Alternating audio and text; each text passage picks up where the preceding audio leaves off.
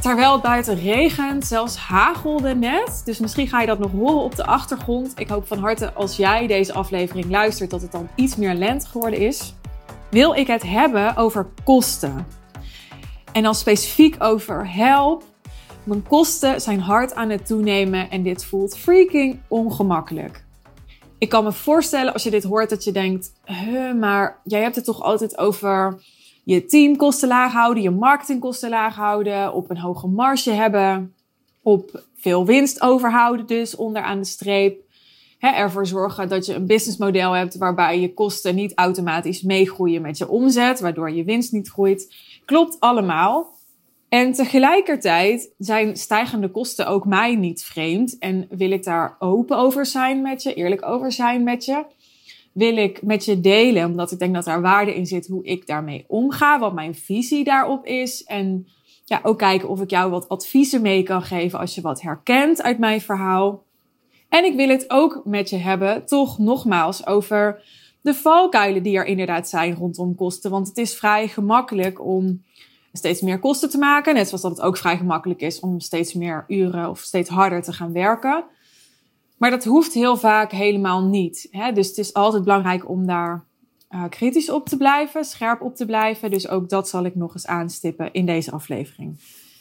Nou, goed. Mijn kosten die zijn zeker afgelopen ehm, half jaar best wel heel hard toegenomen. Daar zal ik zo nog iets over vertellen. Maar eigenlijk is dit een proces wat al ja, zo'n twee jaar geleden in gang is gezet. Want toen ik zwanger was, toen ging ik samenwonen met Bas. En op dat moment werden mijn kosten wel weer iets lager, omdat ik daarvoor even alleen woonde. Maar daarvoor woonde ik ook samen. En nou, dat appartement was weer wat goedkoper dan het appartement waar ik met Bas ging wonen. Dus ja, ik zit ook in een levensfase, hoewel dat echt ook best wel een slap excuus is misschien waarin je meer geld gaat verdienen over het algemeen.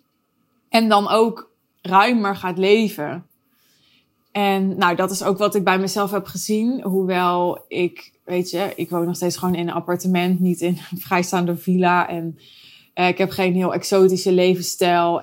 Maar ja, het is wel zo dat ik nog steeds dezelfde auto had als in 2014. Dat was het jaar waarin ik uh, eindelijk een keer mijn rijbewijs haalde. En nou, die was ik wel een beetje ontgroeid. Dus ik heb bijvoorbeeld laatst besloten om een nieuwe auto te nemen. Een leaseauto. En die kost gewoon 400 euro in de maand. Dus mijn vaste lasten nemen nu met 400 euro in de maand toe alleen door die auto. Nou ja, dat zijn van die dingen die, denk ik, veel gebeuren in een, een levensfase waarin er kinderen komen, waarin je dus meer gaat verdienen. Niet alleen als ondernemer, maar ook als je gewoon in loondienst je carrière aan het opbouwen bent, aan de weg aan het timmeren bent. En soms dan, dan kan me dat allemaal heel erg naar de keel vliegen. Ik weet niet of je dat herkent.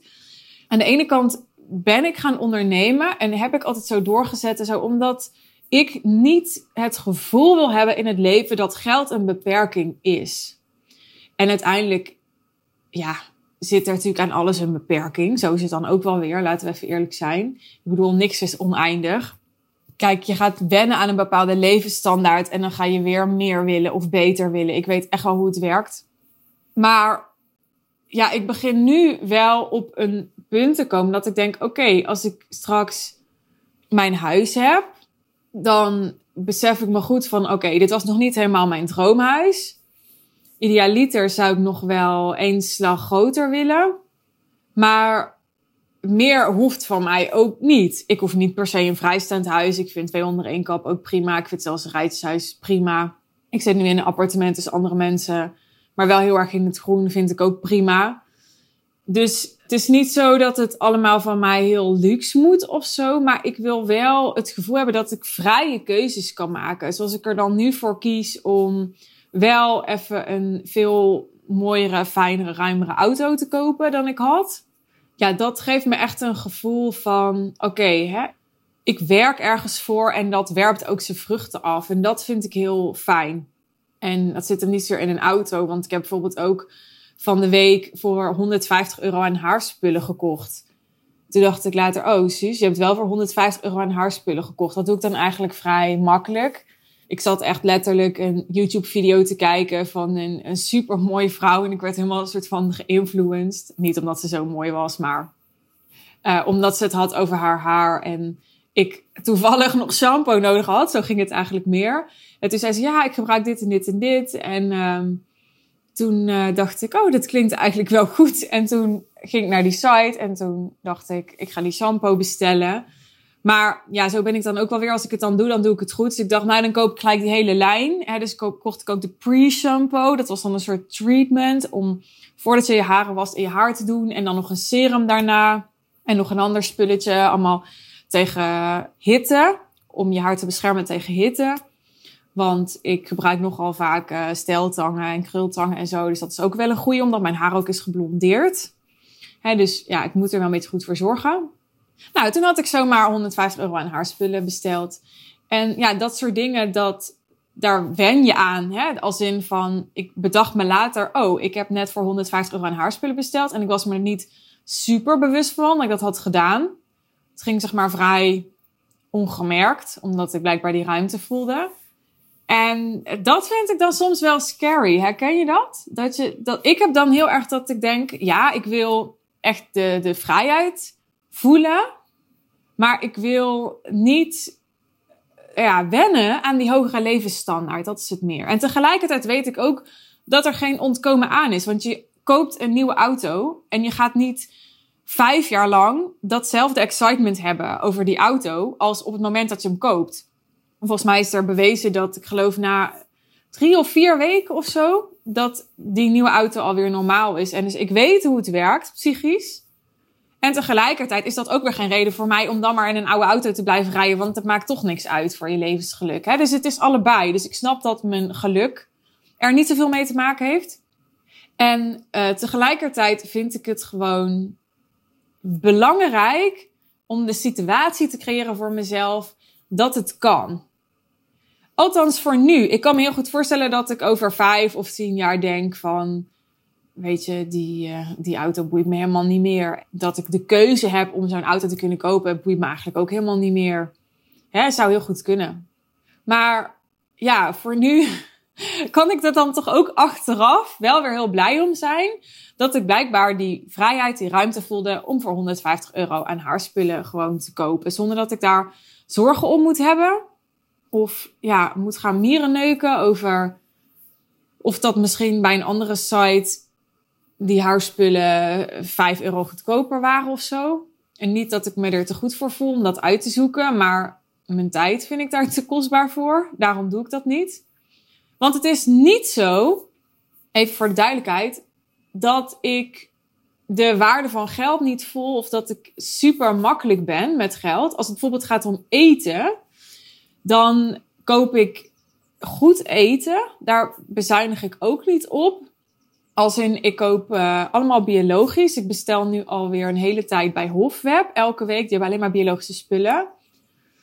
Maar ik denk dan wel eens van, oh, ik, ik ga deze week even wat minder vlees eten en vis, want dat is heel duur. En ja, sowieso wil ik eigenlijk ooit nog vegetariër worden. Dat speelt dan ook wel mee. En ik gooi eigenlijk ook bijna nooit iets weg. Dus ik let heel goed op, uh, op vervaldata, of hoe heet dat? Uh, uh, heet dat vervaldata? Nou, weet ik niet. Maar in ieder geval, ik, ja, daar let ik heel goed op. Als het bijvoorbeeld gaat over Verily Joy en haar kleren, dan koop ik ook niet meer kleren dan ze nodig heeft. Dus daar let ik ook op. Dus ja, ik vind het ook vervelend als ik mis moet grijpen omdat er te weinig is. Weet je wel, dat hoeft ook weer niet.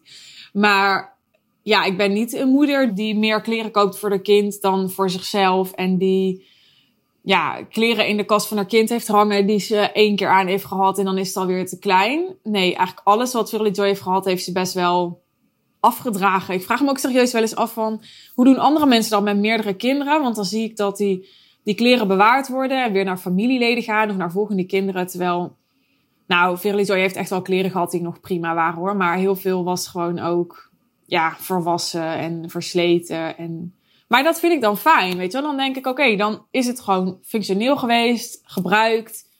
Dan heeft het zijn waarde opgebracht. Dit is dan een beetje de opvoeding die ik heb meegekregen van mijn vader, denk ik. En ja, het maakt haar toch nog niet zoveel uit wat ze aan heeft. Dat scheelt ook heel erg. dus dan doe ik daar verder ook niet zo moeilijk over. Oké, terug naar die kosten. Mijn vaste lasten zijn sowieso al erg eh, toegenomen sinds ik met Bas ben gaan samenwonen en zwanger werd. Met name dus omdat er een kind kwam. Dan krijg je kinderopvangkosten. Dat is behoorlijk wat. Maar ja, je weet ik veel waar we allemaal geld aan uit hebben gegeven. Aan, uh, er zijn zoveel dingen waarvan ik nooit bedacht had van... oh ja, dat kost ook geld. Maar ik weet nog dat ze twee dagen oud was of één dag oud... en dat we een golf moesten kopen. Ja, huppakee, was weer 80 euro of zo. Dat gaat zo hard met kinderen. Kinderen kosten gewoon wat dat betreft zoveel geld. En nou ja, ik wil dan ook wel goede spullen hebben. Hè, dus uh, ik, ik koop dan liefst een glazen fles en niet een plastic fles. Maar op andere dingen heb ik dan weer kunnen besparen. Doordat ik bijvoorbeeld wasbare luiers voor haar gebruik. Waarmee uiteindelijk geld bespaart ten opzichte van wegwerpluiers. Wat ik meer uit ethische duurzaamheidsredenen deed. Maar ja, dat je bespaart is ook wel mooi meegenomen, vind ik. En nu kom ik weer in een nieuwe fase. Namelijk dat ik mijn eigen huis heb gekocht. Waardoor Bas en ik de inboedel weer uh, moeten verdelen. En veel van de inboedel was nog van mij. Dus ik kan best wel wat meenemen. Maar er zijn ook dingen die ik gewoon niet meer mee wil nemen. Omdat ik heb hier bijvoorbeeld een bank staan die uh, komt nog uit het huis van mijn ex. Die is inmiddels uh, vijf, zes jaar oud of zo. En dat was gewoon een hele dure bank die wij toen hebben gekocht. Dus die is nu gewoon echt helemaal op. Dus ik ben ook een beetje in een fase van mijn leven dat ik weer heel veel nieuwe inboedel nodig heb. Dus door de omstandigheden, maar ook doordat veel wat ik dus vijf, zes jaar geleden heb gekocht, nu gewoon wel een beetje op is. En daarbij ga ik straks dus in mijn eentje de hypotheek betalen. En nou, niet alleen de hypotheek, maar ja, als je alleen woont is alles duurder. Hè? Dus als je verzekeringen hebt, uh, gemeentetoeslagen hebt, uh, weet ik het allemaal hebt. Als je met z'n twee bent, dan gaat alles door de helft. Dat scheelt nogal. en dus mijn uh, hypotheek neemt al toe ten opzichte van mijn huurlasten hier. Maar daar komen nog allemaal meer kosten bij. Maar er zijn ook andere dingen die, die duurder worden. Zoals je hebt twee keer internet nodig. Je hebt twee keer een schoonmaakster nodig. Dus gewoon heel veel gaat letterlijk keer twee. Dus dan maakt dat mijn kosten nu heel erg aan toenemen zijn. Kom nog bij dat ik ook nu een paar maanden de tijd dat ik aan het verbouwen ben, wat ik niet heel gehaast en gestrest wilde doen, omdat ik ook nog een kind heb en een bedrijf en um, gewoon niet heel veel druk ernaast wilde hebben. Daardoor heb ik nu een paar maanden dubbele lasten, waarbij ik en huur betaal en ook al de hypotheek moet betalen. Ik heb uh, dingen voor moeten schieten uit mijn bouwdepot. Hè. Dus ik heb uh, de badkamer zelf moeten afrekenen, wat ik wel weer terug ga krijgen als het goed is. Maar je moet het wel betalen. Um, nou, dan zijn er andere uh, kosten die zijn toegenomen. Ik ben echt de afgelopen maanden nog aanzienlijk meer gaan uitbesteden. Dus ik heb nu bijvoorbeeld iemand die ongeveer één keer per week, à twee keer per week hier komt om maaltijden voor te bereiden voor mij en Verily Joy. En doordat zij komt, is heel inzichtelijk voor mij geworden hoeveel tijd ik daarmee bespaar. Want zij komt dan twee à drie uur per keer. En dan bereidt ze avondeten voor en uh, ontbijt voor en tussendoor dingen voor. En dat zijn dingen die ik al zelf had gemaakt. Dus die twee, drie uur die zij hier dan is, die spaar ik letterlijk uit. Het zijn letterlijk uren waarin ik andere dingen kan doen. Al is het met Verily Joy naar buiten gaan. Maar waarin ik niet zo'n huishoudelijke taak als eten maken moet doen.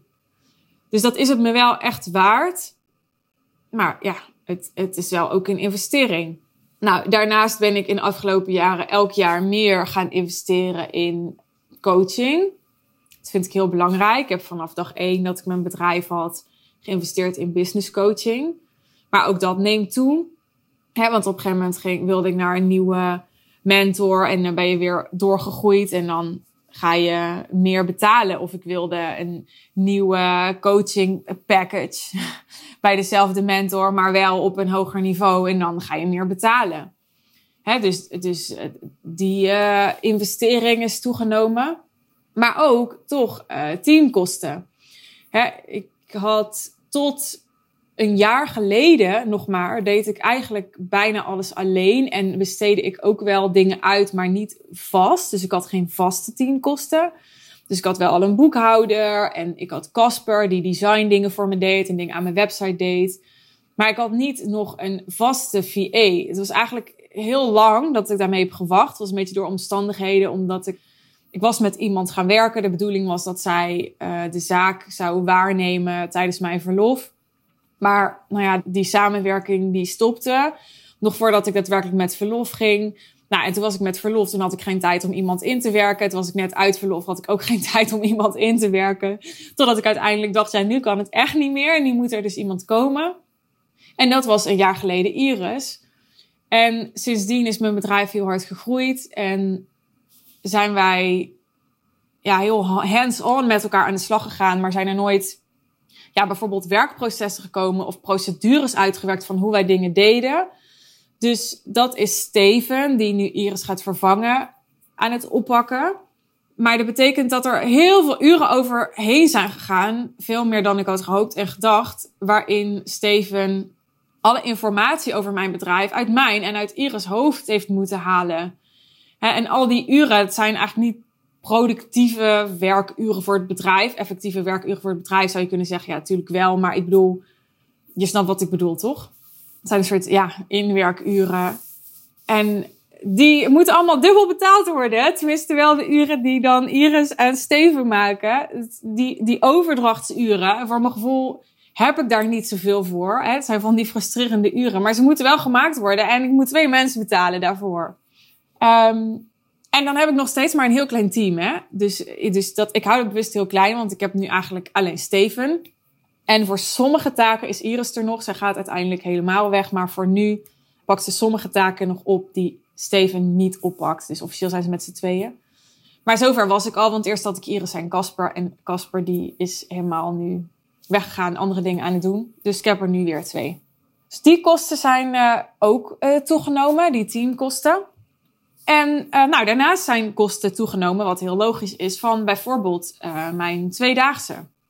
Omdat ik nu voor het eerst echt een stuk meer mensen tijdens de tweedaagse heb dan normaal. De laatste keer waren er ook minder mensen, omdat toen corona heel erg speelde. Dus er waren een paar mensen die niet wilden komen omdat ze dat niet prettig vonden vanwege corona.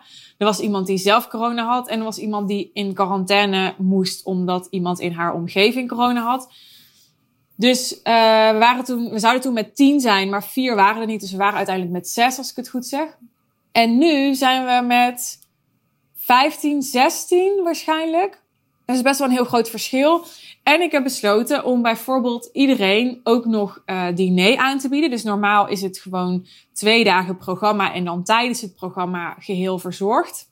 Maar diner en overnachting mag je op eigen initiatief regelen en invullen zoals jij wilt. Maar nu, omdat we in een huis zitten met elkaar, dat best wel afgelegen ligt. En dat is echt helemaal afgehuurd voor ons. En omdat s'avonds uh, de horeca nog niet open is. Alleen de terrassen zijn natuurlijk sowieso open. Maar nou ja, je snapt de situatie. Dacht ik, ja, de enige manier waarop mensen daar dan kunnen eten, als ze besluiten daar te overnachten, is door thuisbezorgd te laten bezorgen daar. Maar je mag dat dan weer niet in de gemeenschappelijke ruimtes eten. Dus dan moet iedereen op zijn eigen kamer, terwijl we met elkaar in een huis zitten, thuis bezorgd gaan zitten eten. Ik dacht, dat voelt zo niet high-end voor mij. Ik bedoel, high-end zit hem echt niet altijd in, in luxe en, en hè, het, het zit er meer in een soort kwaliteitsniveau. Maar ik dacht, nee, daar kan ik niet mee leven. dus ik dacht, huppakee, weet je wel, voor iedereen nog een super kwalitatief drie gangen diner erbij. En dus die hele toko afgehuurd voor ons. En, maar dat betekent ook dat zo'n tweedaagse nu veel meer kost dan dat ik er eerder voor betaalde. Er zat natuurlijk wel wat verschil in. Hè? De ene locatie was wat duurder dan de ander. Ja, alleen al doordat er meer mensen zijn en doordat ze vaak een arrangement aanbieden, zo'n locatie waarbij je per deelnemer betaalt zijn de kosten gewoon veel hoger. En dat kan ook, want er zijn dus ook meer klanten, dus er is ook meer omzet. Hè? Dus, dus dat kan ook, begrijp me niet verkeerd. Maar ook al kan het wel, dat is wat ik met deze aflevering ook wel meegeef aan je. Ook al kan het wel, het kan nog steeds soms freaking ongemakkelijk zijn dat die kosten groeien Omdat wat ik soms kan hebben, is ik kan soms het gevoel hebben dat het helemaal boven mijn hoofd groeit. En dan kan ik soms echt denken, fuck, straks ga ik failliet of zo. Terwijl dat is helemaal niet hoe de realiteit is. En dat houdt natuurlijk ook goed in de gaten. Hè? Dus ik ja, verzamel ook mensen om me heen die me daarin adviseren en met me meekijken. En ik ben best wel conservatief als het om geld gaat. En dat wil zeggen dat ik wel makkelijk investeer. Dat heb ik altijd gedaan. Maar tegelijkertijd ben ik best wel uh, veilig. Ga ik altijd best wel aan de veilige kant zitten als het gaat om uitgaven. dus ik reken altijd best wel conservatief, zo moet ik het eigenlijk zeggen. Omdat ik niet in de problemen wil komen. Dit is grappig, hè? Hier merk je, op dit punt merk ik dus dat geld echt mijn thema is. Ze zeggen altijd, je teacht mensen op het thema wat zelf ja, jouw grootste levensthema is. En voor mij is geld altijd een heel belangrijk levensthema geweest. Waar ook altijd deep down ergens veel angst op heeft gezeten. En soms, dus bijvoorbeeld op dit soort momenten, als die, die uitgaven zo toenemen. Ik zeg bewust even uitgaven en niet kosten, omdat er zit ook nog een verschil in uitgaven tussen kosten en investeringen. Het vind ik echt twee verschillende dingen. Dus ik hou het even bij uitgaven voor nu. Als die uitgaven zo toenemen, dan merk ik dat ik heel erg getriggerd word op die angst. Maar dat is prima, weet je wel. Daar ben ik me bewust van en dan kan ik ermee dealen. En...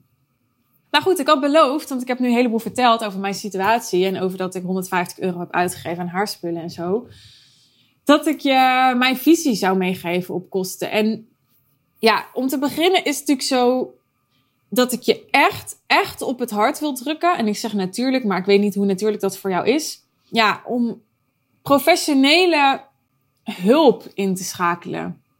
En dus in eerste instantie om ervoor te zorgen dat je meer gaat verdienen. En dat zou ik ook altijd blijven doen.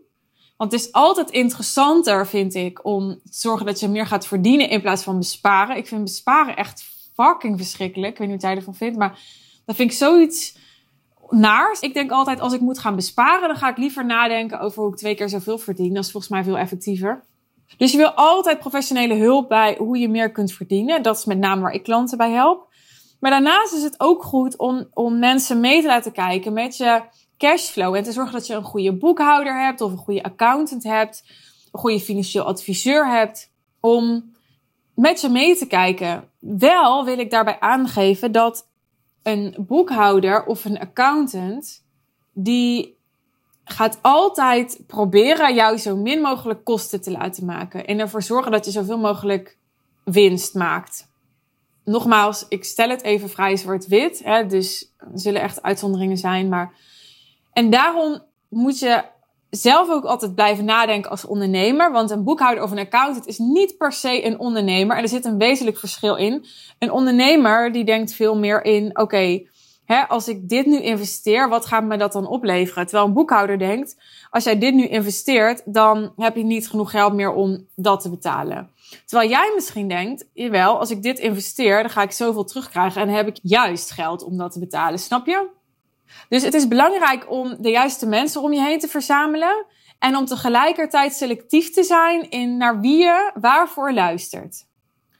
En ga dus niet, want dat heb ik echt zo vaak meegemaakt, dat ik dan mensen in een sales call had en dat ze dan tegen me zeiden: Ja, ik ga even met mijn boekhouder overleggen of ik deze investering kan doen. En dan denk ik: Ja, lieve schat, ik kan je zo vertellen wat je boekhouder gaat zeggen. Dat is namelijk in 9 van de 10 gevallen altijd hetzelfde verhaal. Maar je moet zo'n vraag dus niet aan je boekhouder stellen. Dat zou in ieder geval mijn advies zijn. Want je boekhouder gaat altijd zeggen: Ja, doe me niet. Hè? Want het is heel veel geld en nou ja, je kan zo toch ook wel een beetje groeien. Dus die denken heel anders. Naast professionele hulp is het belangrijk om altijd te blijven denken: Is dit echt nodig? Of kan het simpeler? Ik noem maar even wat ik heb heel lang, als ik mijn tweedaagse had, een uh, PowerPoint laten maken. Eerst maakte ik die dan zelf, dus dan schreef ik zelf de input, wat er op die slides moest. En dan daarna stuurde ik dat naar Casper en die maakte er dan een mooie PowerPoint van. En die werd dan afgebeeld op een uh, tv op de achtergrond. Ik heb zelfs wel eens gehad dat een locatie niet zelf een tv had. En dan gingen we ook nog een tv huren. En dan had ik dus tijd geïnvesteerd in die PowerPoint maken. Ik had Casper betaald om die op te maken. En ik had een tv gehuurd voor een freaking PowerPoint. Waarvan ik op een gegeven moment ging denken: wat voegt dit eigenlijk echt toe? ik bedoel, gaan mensen, mijn klanten hierdoor betere resultaten halen? Neemt de beleving enorm toe omdat er een presentatie op de achtergrond staat? Hè, of is dit gewoon eigenlijk helemaal niet nodig? We verzinnen zo vaak kosten en dingen waarvan we denken dat het hoort, terwijl dat helemaal niet zo is. Dus je wil altijd, en dat doe ik nu ook, en dat is ook wat ik dan overleg met mijn business coach. Van aan de ene kant denk ik, oké, ik, ik snap waarom die kosten nu zo toenemen. En aan de andere kant denk ik ook van, ik moet wel in de gaten houden dat ik niet iets over het hoofd zie. Dat ik niet toch een blinde vlek heb voor kosten die ik eigenlijk niet hoef te maken, die ik wel gewoon aan het maken ben, ongemerkt, waar ik geld op verlies. Dus wees daar kritisch op. En tegelijkertijd ga ook weer niet helemaal lopen mierenneuken. Want kijk, ik zou nu wel heel erg uh, moeilijk kunnen gaan doen over geld. Bijvoorbeeld bij mijn team. En ik ga nu niet doen alsof ik een heilige ben. Hè, ik zeg ook wel eens van, nou ja, hè, hier heeft echt te veel tijd in gezeten. Of dit is echt te veel. Of het is niet zo dat omdat ik van high-end ben en over hoge prijzen vraag dat ik dan maar overal eindeloos voor wil betalen. Hè? Dat is echt een misvatting. Dus zeker ben ik daar ook kritisch op bij teamkosten. En tegelijkertijd ben ik me er heel erg bewust van. Oké, als Steven denkt van ik uh, vind het niet meer leuk. Omdat ze zeikt over geld, even heel uh, grof gezegd. Dan heb ik een, veel groter probleem. Want dan word ik weer helemaal teruggezogen in het bedrijf. Althans voor even. En dat gaat weer enorm mijn, mijn marketing, mijn zichtbaarheid, mijn sales stagneren.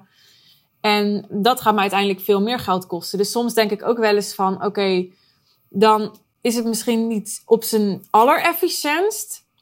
Maar dan moet je ook gewoon pragmatisch zijn en denken, ja, het alternatief gaat me uiteindelijk meer kosten. Dus ja, ik, ik betaal dit maar gewoon of ik, ik doe dit nu maar even gewoon om door deze fase heen te zijn.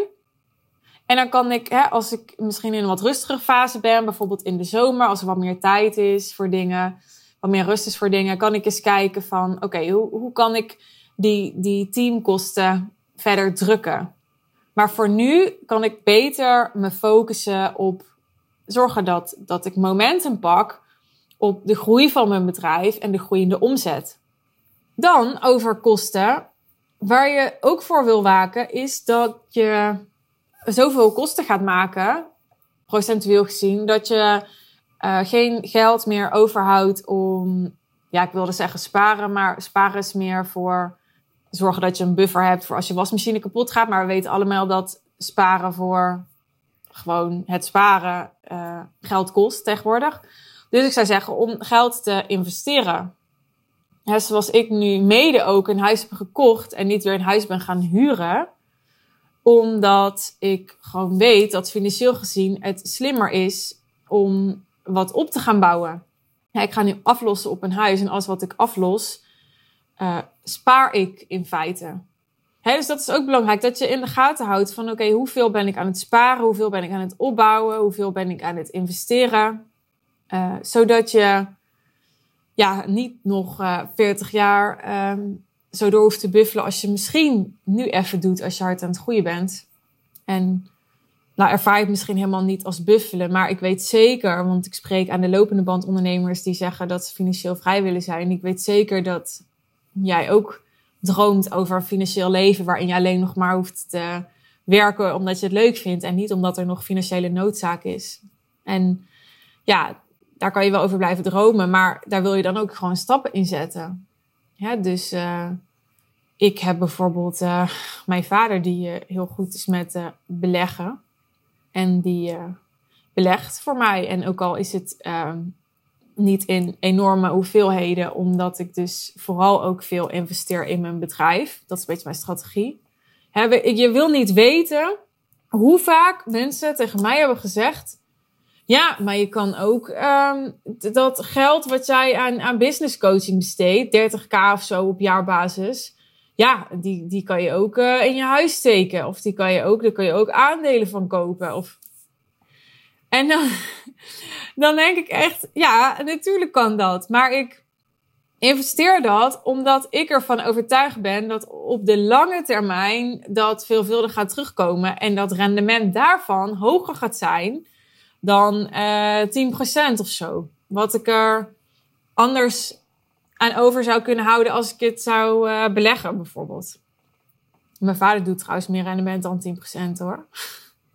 ik maak even reclame voor mijn vader tussendoor. Anyway, ik ben een beetje van hak op de tak gegaan. Maar laat deze aflevering een soort um, hart onder de riem voor je zijn. Als je hard aan het groeien bent en je kosten hard meegroeien. Laat het te tegelijkertijd een reminder of een wake-up call voor je zijn. Om dat niet ongemerkt te laten gebeuren. En niet het als vanzelfsprekend te zien dat je kosten meegroeien. Want het blijven nog steeds allemaal keuzes. En het kan eigenlijk altijd anders en winstgevender. Dus samenvattend, laat je daar goed in adviseren. Zorg tegelijkertijd dat je niet gaat stagneren aan de voorkant. Dus dat niet je omzet heel erg gaat stagneren. Want ja, als jij net je gecommitteerd hebt aan hogere vaste lasten, dan is dat natuurlijk heel vervelend. Want dan gaat je marge, je winst afnemen. Dus blijf daar alert op, blijf daar gefocust op. Als je toch moet kiezen qua focus, zou ik zeggen: focus liever op meer omzet maken dan op meer besparen. En tegelijkertijd, ja, maak geen kosten die je echt niet hoeft te maken. ik bedoel, ik hoor bijvoorbeeld heel vaak ook ondernemers zeggen: ja, dat ze hun, hun werkboeken dan helemaal professioneel hebben laten opmaken en, en daar dan heel veel geld in investeren of zo. Maar dat, dat hoeft echt niet. Als jij gewoon een huisstijl hebt staan, dan kun je ook gewoon ja, een vormgever van een paar tientjes per uur dat laten opmaken, een DTP'er. En dan ben je misschien 100, 200 euro daaraan kwijt. En dan heb je echt iets moois. En als je besluit om bijvoorbeeld je live dagen of je VIP dagen online te doen, virtueel te doen, wat ook kan, wat net zo goed high-end kan zijn, heb je helemaal geen drukkosten. Of kun je het nog simpeler doen? Dan laat je een Google Doc templateje maken en dan doe je het daarmee. En dan kun je toch ook op andere manieren Bijvoorbeeld door, ik zeg maar wat, een hotelkamer te boeken voor je klant of zo. Kun je toch ook op andere manieren wel echt die high-end beleving creëren. Dus er zijn altijd veel meer mogelijkheden dan je zelf vaak denkt. Dus wees alsjeblieft alert op wat je zelf denkt dat nodig is om de kwaliteit te waarborgen voor je klanten, om de resultaten te waarborgen voor je klanten, om je bedrijf te laten groeien. Want soms is het zo, soms is het echt nodig en dan gaat besparen echt, je echt niet helpen. En soms is het gewoon een verhaal wat je niet meer dient. En om dat te onderscheiden, dus onderscheid te maken tussen wat je echt nodig hebt en wat je helemaal niet nodig hebt, daarvoor is een goede business coach essentieel. Dankjewel weer dat je deze hele aflevering hebt geluisterd. En mocht je vragen hebben over dit onderwerp, dan mag je me absoluut DM'en, zoals je weet. Dat kan uh, gewoon via Instagram. Als je liever mailt, mag dat ook info at Super easy. En denk je, ja, ik wil dat jij die goede business coach van mij wordt, dan eh, ben je heel welkom om je call met mij te boeken, zodat we in 30 minuten kunnen bespreken hoe jij veel meer geld kunt gaan verdienen. En ook zo kunt gaan groeien, dat je kosten enorm toenemen. Maar tegelijkertijd je winst ook. Hoe fantastisch is dat? Gewoon allebei. Gewoon en een nieuwe leaseauto en tegelijkertijd ook gewoon nog een buffer of geld om te investeren in je bedrijf of in andere dingen. Daar geloof ik in. We gaan voor en en. Nou, als je dat wil, boek je call met mij via de link in de omschrijving bij deze aflevering.